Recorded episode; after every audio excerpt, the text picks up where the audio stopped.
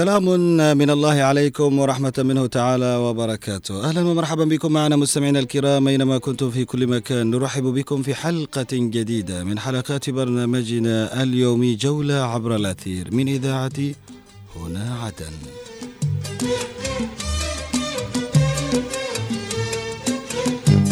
مستمعينا الكرام ها هي ساعة اللقيا تتجدد بكم التي من خلالها نسعد بكم ونفتح معكم نافذة أثيرية من نوافذ المدن والأغنيات الجميلة التي تطرب الآذان والأسماع.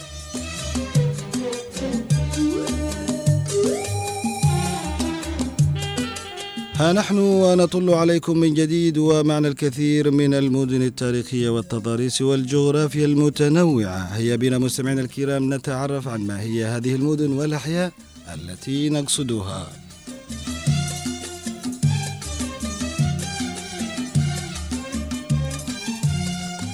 موعد جديد وأيضا لقاءات يومية نطل بها عليكم. وهذه المرة مستمعينا الكرام نعود إلى العاصمة عدن. تعالوا نغوص في واحدة من المدن الساحلية والاقتصادية التي تتميز بها عدن ألا وهي البريقة المعروفة بعدن الصغرى.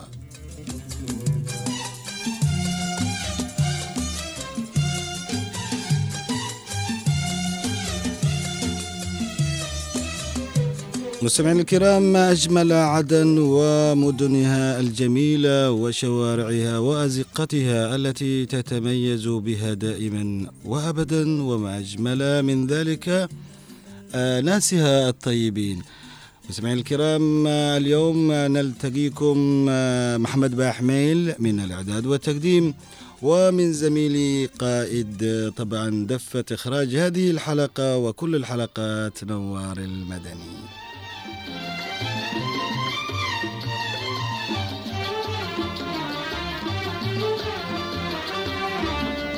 صار بينك وبينك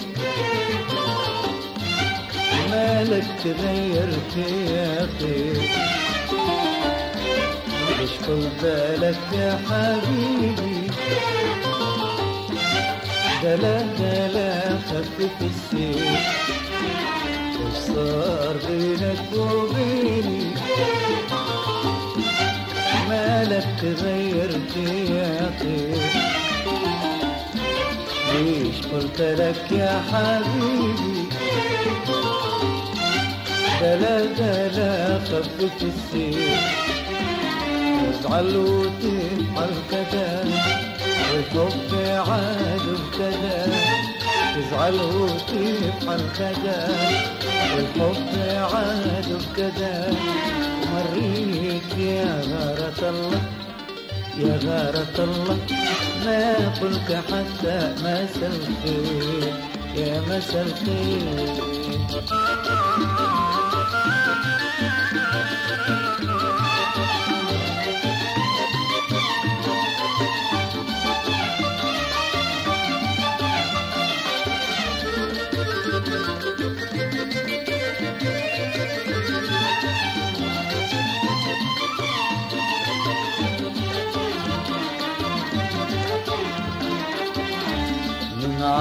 عادتك يا حبيبي.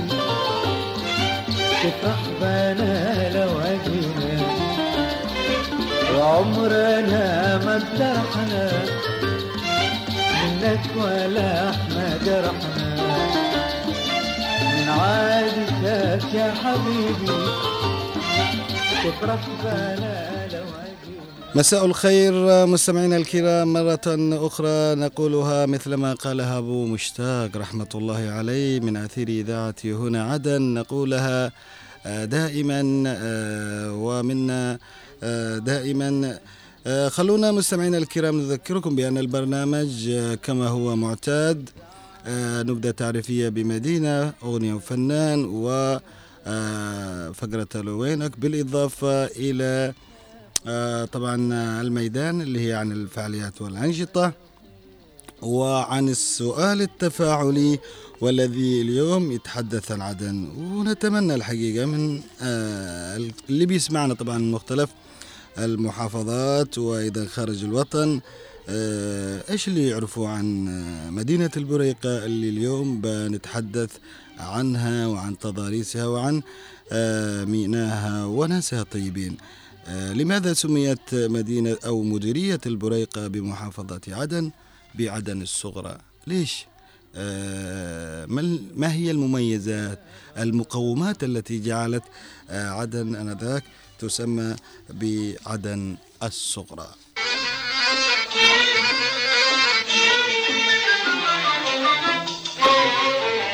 صدفة ويا محلى الصدف.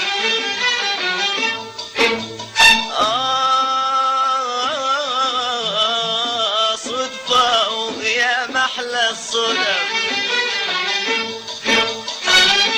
لما لمحتك من قريب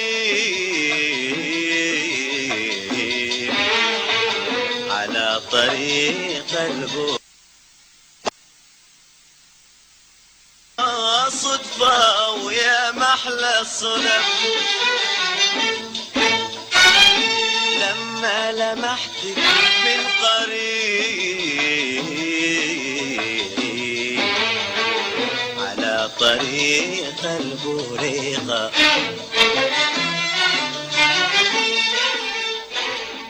مستمعينا الكرام أينما كنتم في كل مكان البريقة عدن الصغرى هي التسمية الحديثة للبريقة حاليا. وقد أطلق الإنجليز عليه هذه التسمية بعد احتلالهم لعدن وذلك لكون البريقة مقابلة لعدن بمعنى كريتر. وتشترك معها بعض المسميات التضاريسية المتشابهة.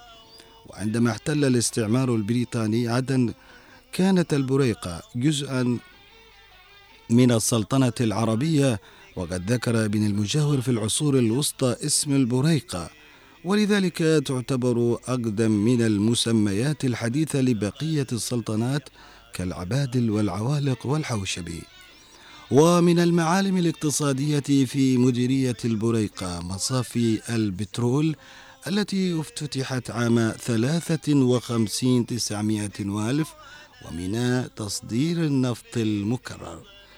ويعد ميناء البريقة من أقدم المواني ويكتسب أهمية استراتيجية لكون قربه من باب المندب كما يكتسب أهمية أيضا كميناء لتصدير النفط المكرر والذي تقوم بتكريره شركة مصافي عدن التي أنشئت في أربعة وخمسين تسعمائة وألف بغرض تأمين النفط المكرر والمشتقات الأخرى. للأسواق المحلية والاقتصادية وتقدر الطاقة الإنتاجية للمصفاة بثمانية ملايين طن سنوياً. يا حلوة حلوة انت يا حلوة حلوة يا محلى دلالك دلالك ومحلى قوامك ويا محلى الورود الحمر من يوم شفتك وأنا سهران ليلي ضنا من يوم شفتك وأنا سهران ليلي ضنا ما نلت يوم الهنا ما نلت يوم الهنا. وإذا ما تحدثنا مستمعينا الكرام عن شاطئ الغدير الذي يقع في منطقة الغدير بالبريقة. عدن الصغرى ويعد من أجمل الشواطئ ويتميز بموقعه الجميل وهو منتزه سياحي توجد به شاليهات واستراحات توفر الخدمات السياحية والتي تفي بمتطلبات الزوار الذين يرتادون هذا الشاطئ خاصة من السياح والزوار المحليين الذين عادة ما يأتون لقضاء إجازاتهم الصيفية أو في المناسبات مثل العطلة الأسبوعية أو الأعياد والمناسبات الأخرى. ومحلى قوامك ويا محلى الورود الحمر. ويعد شاطئ الغدير مع شاطئ جلدمور من أفضل الشواطئ التي يفضل الزائر القدوم إليها ويوجد بالقرب من الشاطئ قلعة الغدير. كما أن شاطئ الغدير يعد من الشواطئ الجميلة والهادية والمرغوبة من قبل الزوار. توجد في مرافق الخدمات المتواضعة ولكنه غير مهيأ بوسائل الرياضات البحرية. وإذا ما تحدثنا مستمعينا الكرام فإننا نتحدث أيضا عن كود النمر الذي يعد أحد الشواطئ الجميلة التي تمتاز بها منطقة البريقة أو المدينة الصغرى. ويقع بالقرب من شاطئ الغدير ويطل عليه جبل سالم سويد ويرتاده الأهالي سواء من منطقة البريقة أو بقية المحافظات. أما عن شاطئ المسقائية يقع طبعا شاطئ المساق- المساقائية بين منطقة آه، فقم وعمران في مسافة تقدر بحوالي 2 كيلومتر.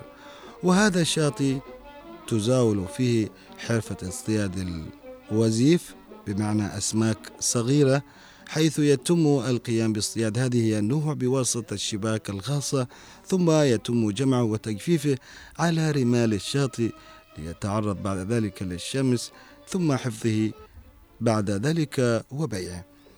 وساحل أبين مستمعينا الكرام من السواحل التي يتم فيها أيضا مزاولة الاصطياد أو ساحل فقم من السواحل التي يتم فيها مزاولة الاصطياد من قبل قوارب الصيد الصغيرة ويبلغ طول الساحل ما يقرب من واحد كيلو متر ويوجد في المنطقة تعاونية طبعا صيادين خاصة تقوم بتقديم العون للصيادين وتأمين احتياجاتهم. آه، يستخدم الساحل كمركز اصطياد خاصة آه، بصغار الصيادين الذين يملكون قوارب صيد صغيرة. أما عن منطقة النوبة فهي عبارة عن جزيرة صغيرة في البحر. وهي تبعد عن منطقة فقم الواقعة في شبه الجزيرة جزيرة عدن الصغرى بحوالي واحد كيلو وهي جزيرة صخرية ذات أشكال عجيبة. تكويناتها الصخرية يأخذ شكل شبيه بالطير ويبلغ طولها 16 مترا وعرضها حوالي 8 أمتار وترتفع عند مستوى البحر بحوالي 15 مترا وتبعد عن جبل الشريف الواقع بساحل فقم بحوالي 100 قدم.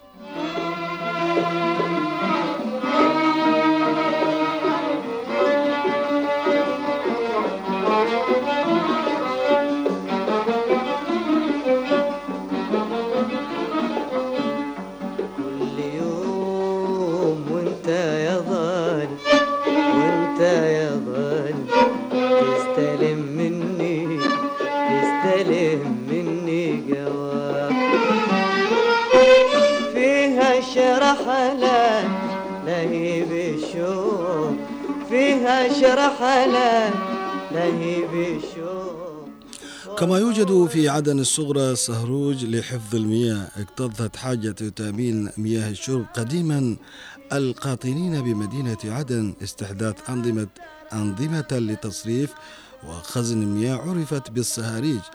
وقد مرت تلك الاستحكامات الخاصة بالمياه بظروف ومتغيرات عبر التاريخ بين انطمارها ومن ثم تجديدها واحتيائها وإحيائها في فترات لاحقة. ويعد هذا الصهريج من جملة صهاريج أخرى متفرقة بالمدينة لم تعد أغلبها موجودة وهو خارج نظام الصهاريج المعروفة بصهاريج الطويلة الشهيرة وتتعدد الأغراض الخاصة باستخدام مياه الصهاريج من تأمين مياه الشرب اليومية واستخدامات الري والزراعة. ويقع الصهروج في ملتقى ثلاثة جبال وتصب في الصهروج سيول الأمطار التي تهطل على تلك الجبال والصهروج في وضعيته الحالية لا يستخدم لحفظ المياه وخزنها. وهو ممتلئ مستمعينا الكرام بالأتربة والمخلفات والحشائش البرية الصغيرة التي تنمو في أماكن متفرقة وبات وضع الصهروج مهملا وطواه النسيان وهذا الصهروج في جنوب منطقة الخيصة بالقرب من جبل الخيصة. ويبعد عن منطقة البريقة بمسافة ما بين 300 متر إلى 400 متر غربا. هذا مستمعينا الكرام قراءة سريعة ومختصرة عن مدينة آه، البريقة أو مديرية البريقة المعروفة بعدن الصغرى. هناك أولياء وأضرحة آه، في هذه المدينة آه، دائما ما يذهبون الناس لزيارتها وأيضا يحاولوا من خلال هذه الزيارات أن يأتوا بأشياء وأيضا ل الت- أو التزين بهذه الأضرحة وأيضا الكرامات مثل ما آه، تتحدث بعض ال- ال- الدراسات وبعض الأبحاث التي أعدت آه، حول هذه المدينة. لكن آه، حاولنا أن نختصر كل هذا آه، الحديث عن البريقة المدينة الجميلة التي آه، تشتهر بموقعها وبأيضا آه، موانيها ومينائها الجميل. ولا سلام من بعيد كلمة ولو قبر خاطر. ولا سلام من بعيد ولا رسالة يا فقر بيد ساعي البريد بيد ساعي البريد.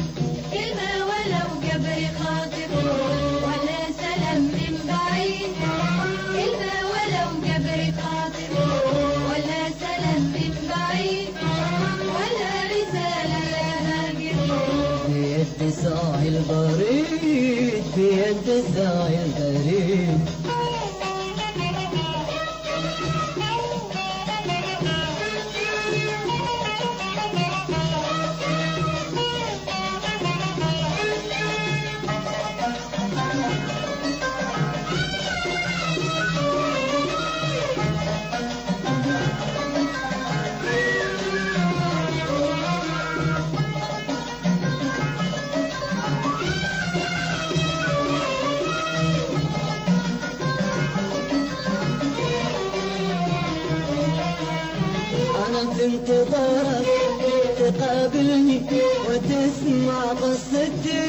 النهاية وانت اختيارك تسامحني إذا حبيت أو تنسى هواي أنا في انتظارك تقابلني وتسمع قصتي حتى النهاية. وانت اختيارك تسامحني إذا حبيت أو تنسى هواي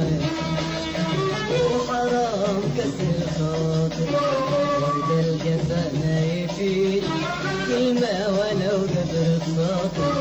ولا سلام من بعيد ولا سلام من بعيد مستمعينا الكرام ما زلنا معكم نتواصل في برنامجنا المباشر اليومي جولة عبر الأثير لمن أراد أن يتداخل معنا. طبعا وفق السؤال المطروح آه، نذكركم 20 17 آه، أو 20 11 15 ورقم الواتساب 71592 9929 ما عليكم إلا آه، التواصل معنا والإجابة عن السؤال المطروح آه الذي يقول لماذا سميت مديرية البريقة بمحافظة عدن بعدن الصغرى؟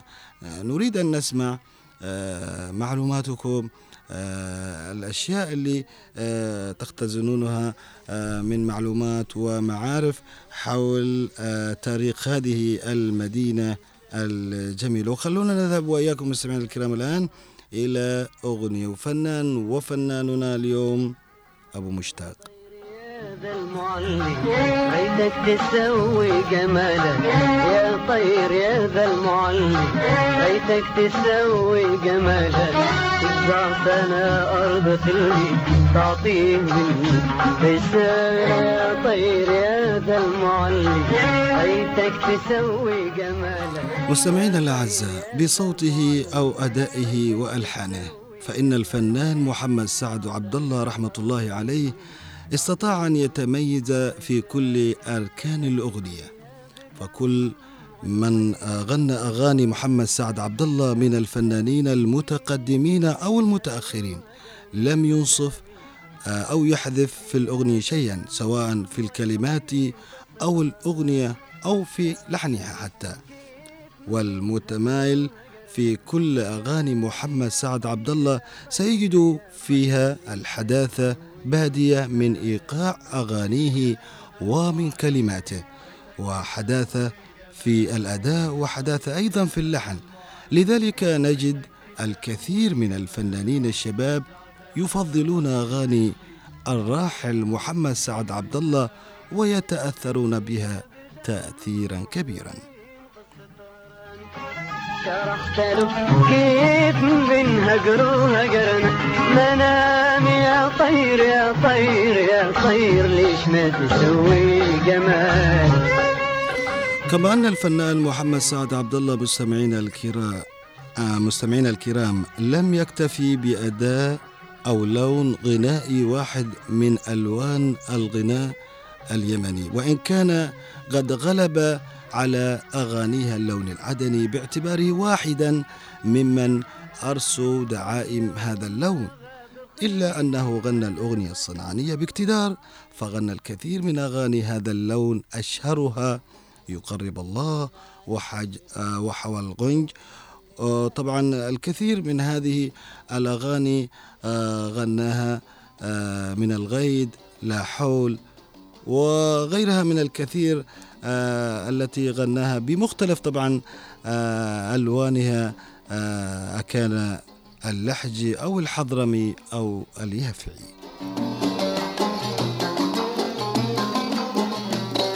محل ما يعجبك مسكنك داخل الروح. محل ما يعجبك مسكنك داخل الروح. بتعذب علشانك وبقول مسموح. عيني وبقول مسموح.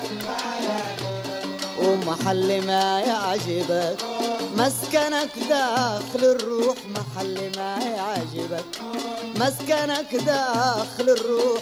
بتعذب علشانك وبقول مسموح. يا عيني وبقول مسموح. مستمعينا الكرام والفنان محمد سعد عبد الله شخصية فنية لن تتكرر ولن يجود الزمن بمثلها. رحمة الله عليه. فقد غنى الكثير مثل ما أسلفنا من الفنانين الشباب من أغاني ولا يفضلون حتى الحدث. لماذا؟ لأن كل أغنياته جميلة وقد غنى الغناء اللحجي والحضرمي واليافعي هنالك آه، عندما ذهب إلى المكلا وتحديدا الشحر غنى الكثير من الألوان آه، الحضرمية آه، عندما كان إلى جواره رحمة الله محمد جمعة خان. الكثير من الأغاني تميز بها هذا الفنان محمد سعد عبد الله وقد آه، اشتهرت كل أغانيه حتى آه، الفنانين الذين في دول الخليج آه، حاولوا أن يغنوا بل غنوا وليس حاولوا غنوا ولكن بأداء محمد سعد عبد الله إلى الآن ربما كثير أو قلة قليلة من يتقن أداء محمد سعد عبد الله. ولكن مثلما تحدث إلي أحد المثقفين هنالك في حضرموت وكان يقول أنه محمد سعد عبد الله من أتقن أغانيه الفنان آه، بدو زبير هذا الفنان آه، الذي رحمة الله عليه آه، هو واحد ممن آه، يغنون أغاني محمد سعد عبد الله ويتقنها. حتى إنه آه، تحدث بهذه آه، العبارة وقال إنه محمد سعد عبد الله نفسه آه، تحدث وقال إنه آه، لم يكن أو آه، ما في أحد من الفنانين آه، أجاد أغاني إلا الفنان بدوي الزبير آه، فرحمة الله عليهما. وكان طبعا آه، أحمد يسلم زبير المعروف ببدوي الزبير يغني أغاني محمد سعد عبد الله بأحاسيس جميلة جدا آه، وله طبعا أكثر من آه، أغنيات لمحمد سعد عبد الله. ولعلكم آه، طبعا تتابعون بل تستمعون إلى الفنان بدوي الزبير. وعندما يغني أغاني محمد سعد عبد الله تجدون هذا الفنان فعلا يغني بأحاسيس محمد سعد عبد الله. مدى العمر مفتوح. أنا بصبر عم جونك لاجل خاطر عيونك. بصبر عمجونك لاجل خاطر عيونك. بيتمي فؤادي لك مدى العمر مفتوح. عيني مدى العمر مفتوح. آه.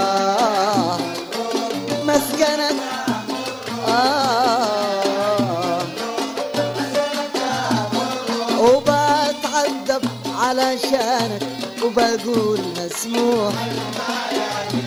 والله وبقول مسموح.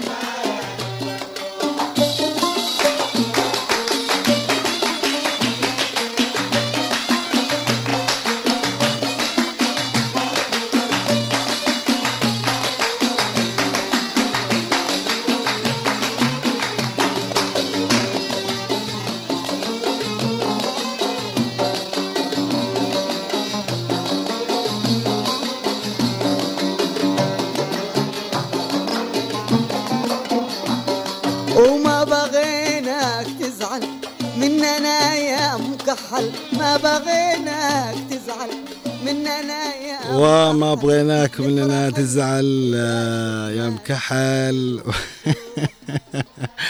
مستمعي الكرام ما زلنا معكم نتواصل في برنامجنا. آه، طبعا آه، جولة أنا طبعا لما أضحك ما عاد اسكت آه طبعا أكيد اللي بيسمعنا ما بغيناك مننا تزعل آه يا مكحل وخلونا مستمعينا الكرام نذهب إلى ضيف آه فقرة آه ألو وينك؟ وضيفنا وضيفكم مستمعينا الكرام آه واحد من الذين لهم صولات وجولات في العمل الإذاعي. أنا والله بطبيعة الحال شوفوا من الناس اللي يهتم بهذه الكوادر الإعلامية والإذاعية ويحب أنه يوثق معها لقاءات كان إذاعية أو تلفزيونية إن شاء الله مستقبلا.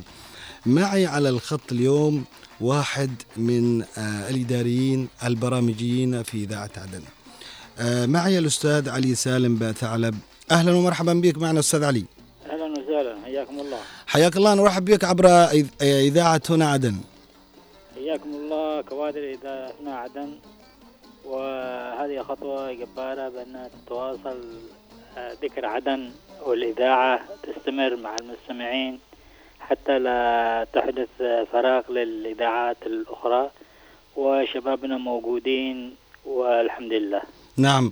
آه، أستاذ علي إحنا في هذه الفقرة اللي هي فقرة آه، وينك؟ آه، تمنينا أن قد وفقنا فيها طبعا وهي نسأل فيها عن شخصيات إعلامية عسكرية سياسية رياضية وما إلى ذلك. أنت اليوم واحد من الذين نطرق بابه ونقول فينك. حياكم الله واهلا وسهلا. وين أنت الآن؟ والله أنا في قرية في القرية حقي. مم. قرية الق- عور بدر محافظة مديرية تبان محافظة لحج مهم. بعد وكل إغلاق الإذاعة مع أحداث 2015 بقينا في البيت. نعم. طيب أستاذ علي يعني آه، لو نتحدث معك عن مشوارك الإذاعي كيف كان مشوارك الإذاعي ومن فين كانت البداية؟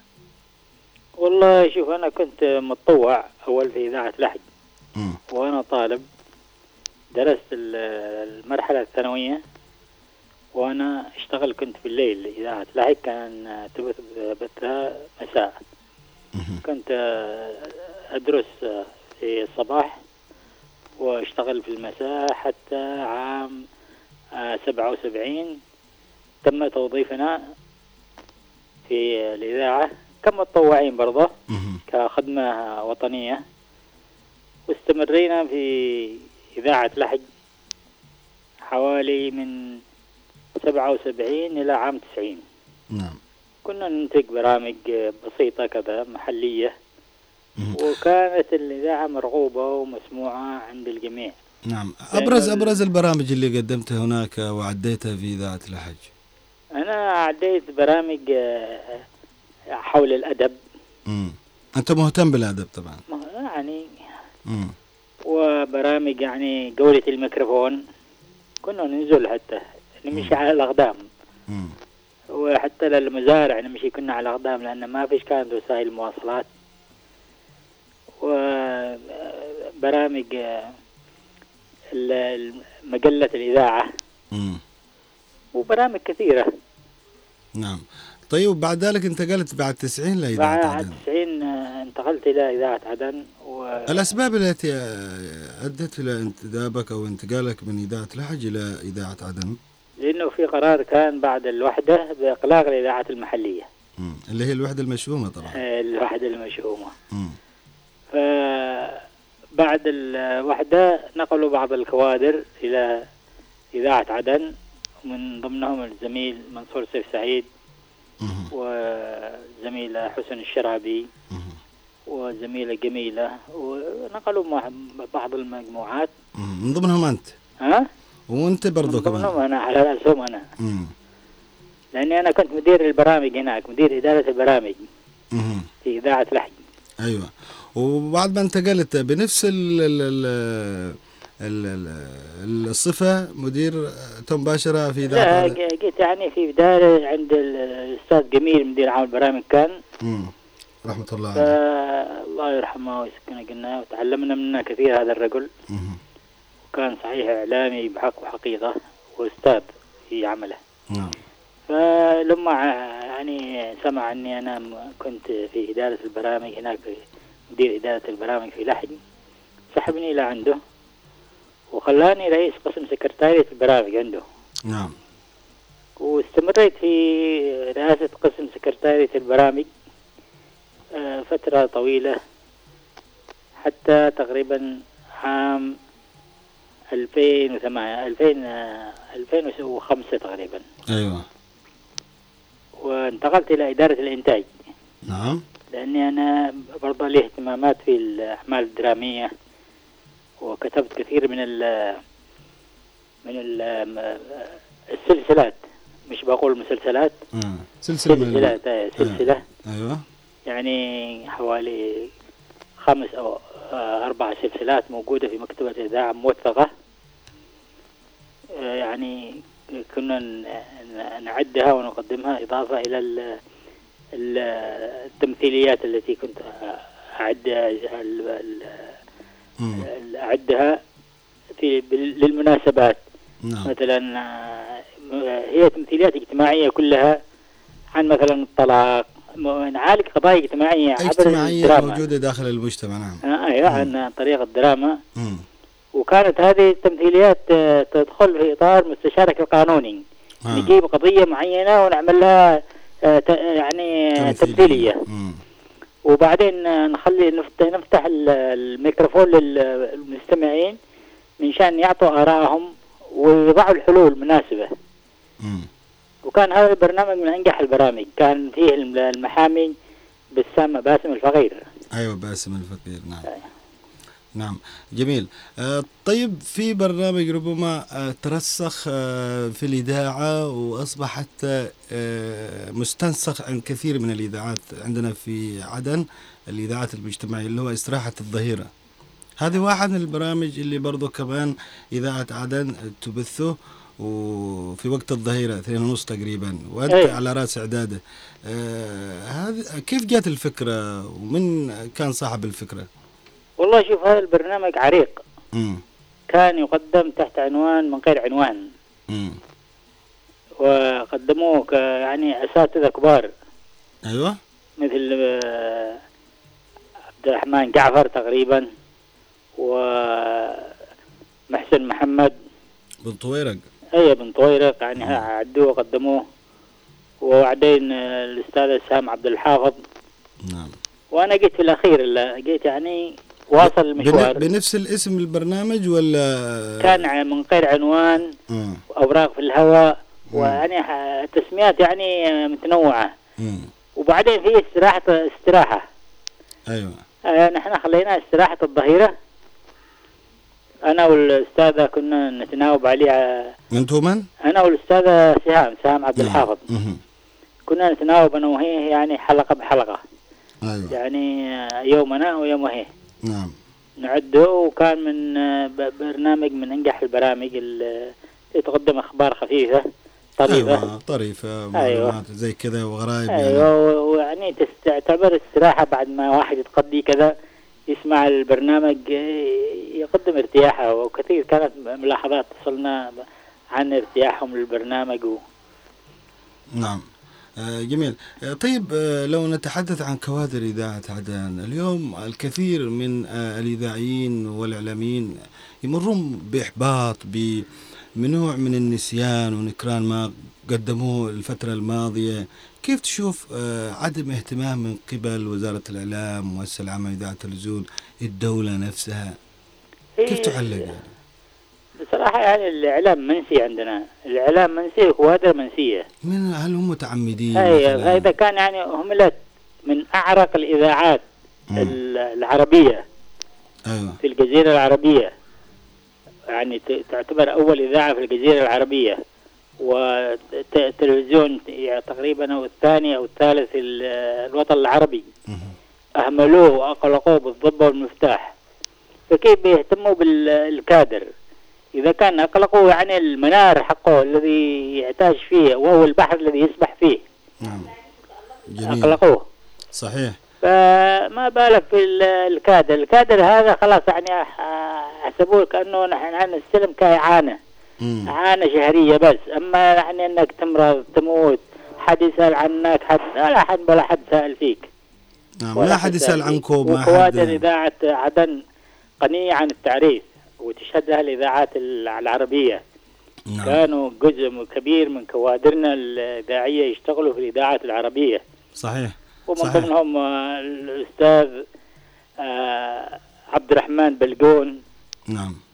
وعفوا عمر بلقون عمر بلجون عمر جميل, بلجون جميل مهدي ومحمد عبد شيخ. الرحمن باقنيد. وجميل مهدي. نعم. فيصل باعباد محمد شيخ هذول كلهم من كوادر الإذاعة حتى كوادر التلفزيون كانوا يشتغلوا في الإذاعة شوف مم.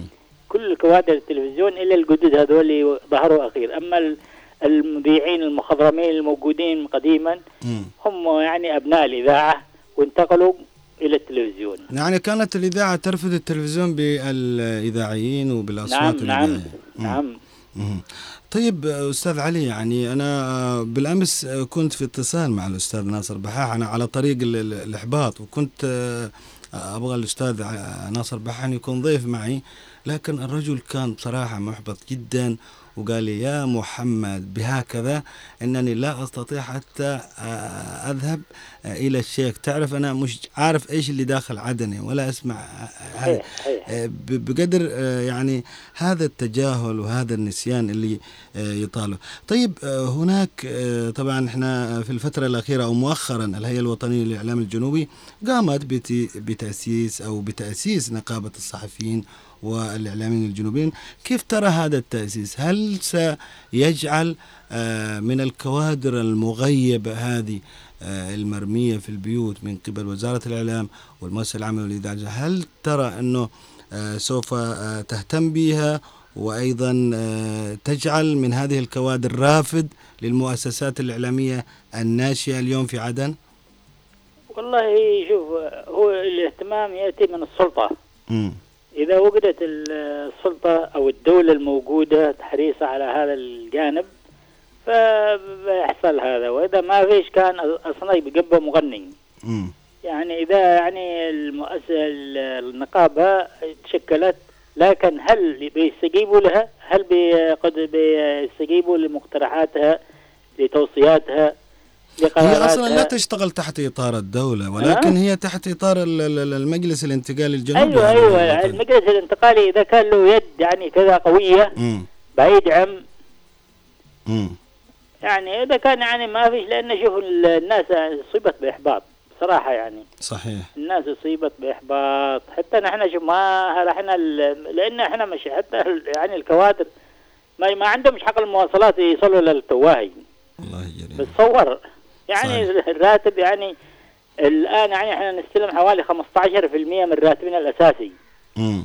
لما تحسبها بالحساب حق العملة الصعبة أيوة. كيف كنا نستلم وكيف الآن نستلم؟ بتحصلها من 15 إلى 20% تستلم فقط. صحيح. لكن نأمل آه، هذا أمل كبير والله كبير لازم. والنقابة فيها شباب جيدين وفيها ناس يعني مخضرمين. مم. وأملنا كبير بأن الوضع كامل يتحسن وتنفرق هذه الكربة إن شاء الله مم. بحاجة إلى إذاعة عودة إذاعة عدن والله بحاجة إلى إذا عودت إذاعة عدن بس بقالب جديد إحنا نحن يعني ناس إيش اللي هو القالب الجديد أستاذ علي يعني هذا العدد الكبير من العمال هذا شوف دحين إذا إذا فتحوا التقاعد مم. يمكن يصفوا أقل من 20% يعني التقاعد هو عبء لأن دحين الكوادر هذه لما يقول لك عدد عمال إذاعة عدن كذا كذا مم. يفزعهم يخيفهم في يخيفهم ها في الموازنات في الاعتمادات في الحاجات لكن إذا كان يعني حال الناس للتقاعد مم. بعد تسوية أوضاعهم طبعا مم. بتشوف الناس اللي بيبقوا في الإذاعة قليل لأن الإذاعة ال- العالمية الآن مش عاد بهذا الكم الهائل من العمال وال مم. يعني في والأجهزة برضه مش عاد هذيك الأجهزة حقنا الكبيرة هذيك وال reel وال آه. يعني الآن كلها يعني digital وسائل الاتصال والإعلام مم. وممكن الإذاعة يعني تمشي بعدد أقل مم. طيب أستاذ علي ما ذهبتم إلى إذاعات خاصة مثلا هنا في عدن أو هناك عندكم في لحج تعملوا بعض البرامج مثلا أو أنكم خلاص احبطتم وما عاد داعي ما للشغل إذاعات كذا خاصة في لحج خاصة ما في آه، وعدن يعني عد- أعداد محدودة مم. وإذا قدمت لكم مثلا الدعوة بأن تنتجوا برامج هل بتلبوا الدعوة؟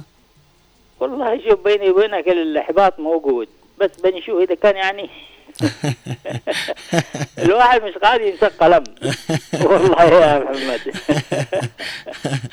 أنا والله سعيد بك يا أستاذ علي سالم بثعلب ومن محبتنا والله إننا آه، حبينا أن آه، نسلم عليكم ونسأل عليكم حياكم آه، الله فيكم جميعكم. الخير فيكم الخير والله. ونحاول بقدر الإمكان أن نقول أن هذه الأسماء ما زالت موجودة في البيوت يا وزارة الإعلام ويا مؤسسة عامة إذاعة والتلفزيون اتقوا الله في هؤلاء الكوادر. آه، كذلك نأمل من الهيئة الوطنية للإعلام الجنوبي هنا الاهتمام بالكوادر وأيضا إعطاها حقها من الاهتمام والتقدير. أنا أشكرك كلمتك الأخيرة. والله شوف أنا بقول لك إذاعة عدن يعني لها باع طويل. مم. وشاركت في مهرجانات عربية في مهرجان القاهرة وكان لها دور. وشاركت في مهرجان مجلس التعاون الخليجي.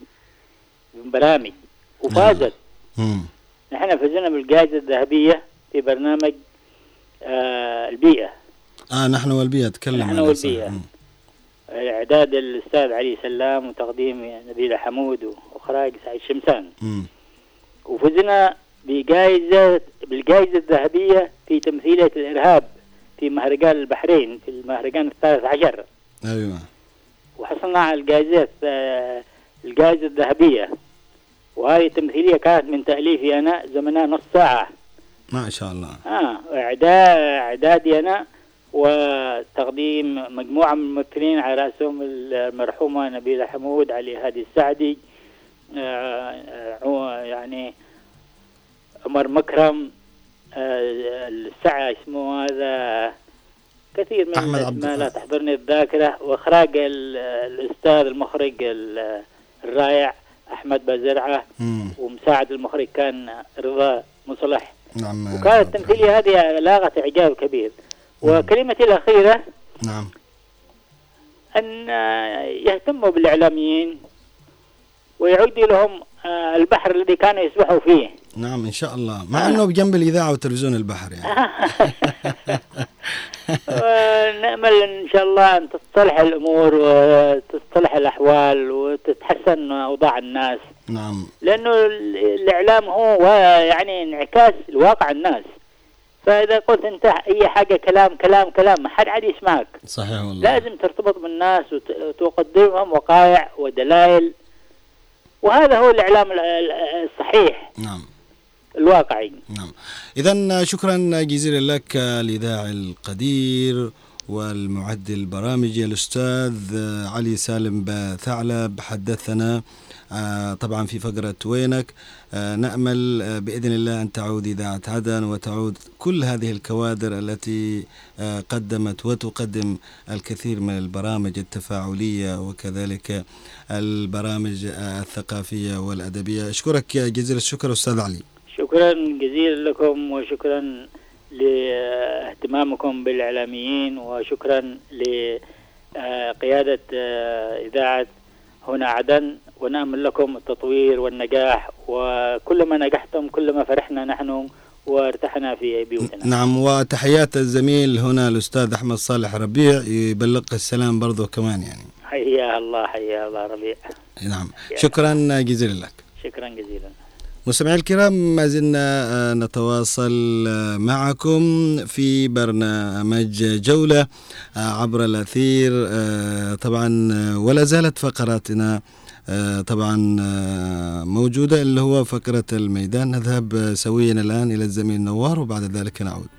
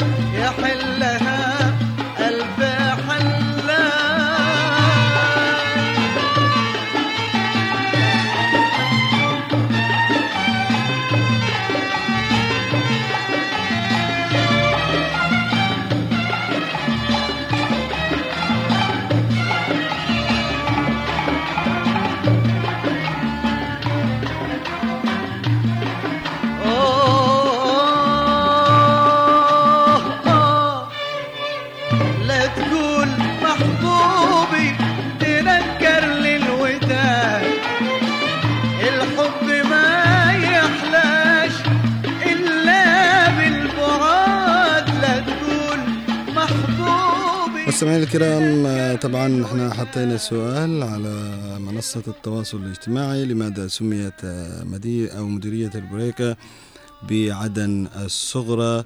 آه هذا ال- ال- السؤال طرحته آه ليلة البارحة. واليوم برضو كمان نشر على صفحتنا في إذاعة هنا عدن. آه لكن البعض آه أو البعض علق هنا صالح المساوى قال أعتقد أن التسمية أطلقها الإنجليز على البريقة لأنها تشبه عدن القديمة. إحنا استعرضناها في مقدمة البرنامج أو كريتر من حيث التضاريس والجبال الشاهقة التي تحيط بها. والله أعلم. طبعا هذا حسب رأيه. آه آه مين آه طبعا هنا واحد برضو كمان كان ينبه على حاجة مهمة. قال كل شخص بيجاوب آه على حسب آه آه فهمه. آه عادل أو عايد عبد القادر صياد يقول أطلقها الإنجليز بسبب الشعلة. حق المصافي كان ترى الشعلة من التواهي والمعلى فكانوا يطلقون على الشعلة. آه أم بريقة. آه لكن رد عليه هنا الأخ محمد بن بريك. آه يقول السؤال آه لماذا سميت؟ إحنا نقول لماذا سميت؟ آه في الحقيقة آه طبعا الأسئلة اللي بنطرحها هي من باب المعلومية ومن باب أنه كيف آه ثقافة الناس اليوم اللي بتسمع إذاعتنا أو بتسمعنا نتحدث عن لماذا سميت؟ البريقة بعدن الصغرى. الواحد آه يقول لك ليش يعني؟ صحيح أنه آه البريقة لديها ميناء ومصافي ومنطقة سياحية وما إلى ذلك وهكذا. هذه ربما الأشياء فعلا آه جعلتها أن تكون مدينة يعني. وأيضا جعلت الناس يرتادونها آه، عندما يأتون في الإجازات الأسبوعية والمناسبات الوطنية آه، التي تحدث في البلد. لذلك البريقة بشكل عام مهما تحدث عنها أو تحدث عنها الكثير فإنها مدينة عريقة للأمانة يعني. تغنى فيها الشعراء آه كذلك آه الكل يتحدث عن البريقة وعن عراقتها وعن تاريخها آه الجميل. لما لمحتك على طريق البريقة صح يا نوار؟ هذه واحدة من الكلمات التي تغنت بالبريقة وغناها طبعا أبو بكر سالم الفقيه عندما كان هنا في عدن وطبعا أبو بكر سالم الفقيه. طبعا إحنا نت- نتحدث عن أبو بكر ونحن في الشهر الذي توفي فيه. إن شاء الله سنجعل من آه، حلقة خاصة تتحدث عن أبو بكر وعلاقته بعدن بإذن الله تعالى. ما زلنا معكم نتواصل آه، في جولة عبر الأثير من آه، إذاعة هنا عدن.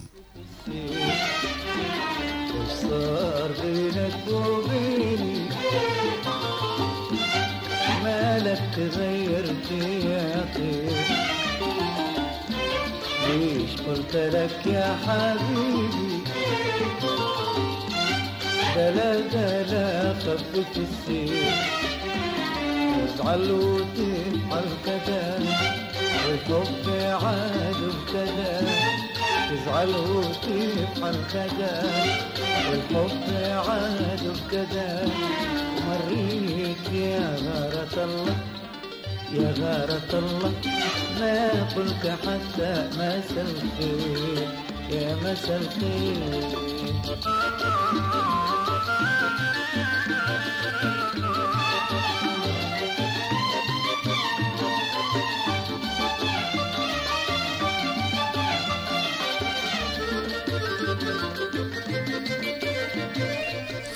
مستمعينا الكرام آه، إلى هنا وصلنا بحضراتكم إلى نهاية حلقة هذا اليوم. من جولة عبر الأثير كنا فيها في جولة خفيفة طريفة آه، في البريقة ومن ثم مع ضيفنا آه، اللي هو الأستاذ علي سالم ثعلب.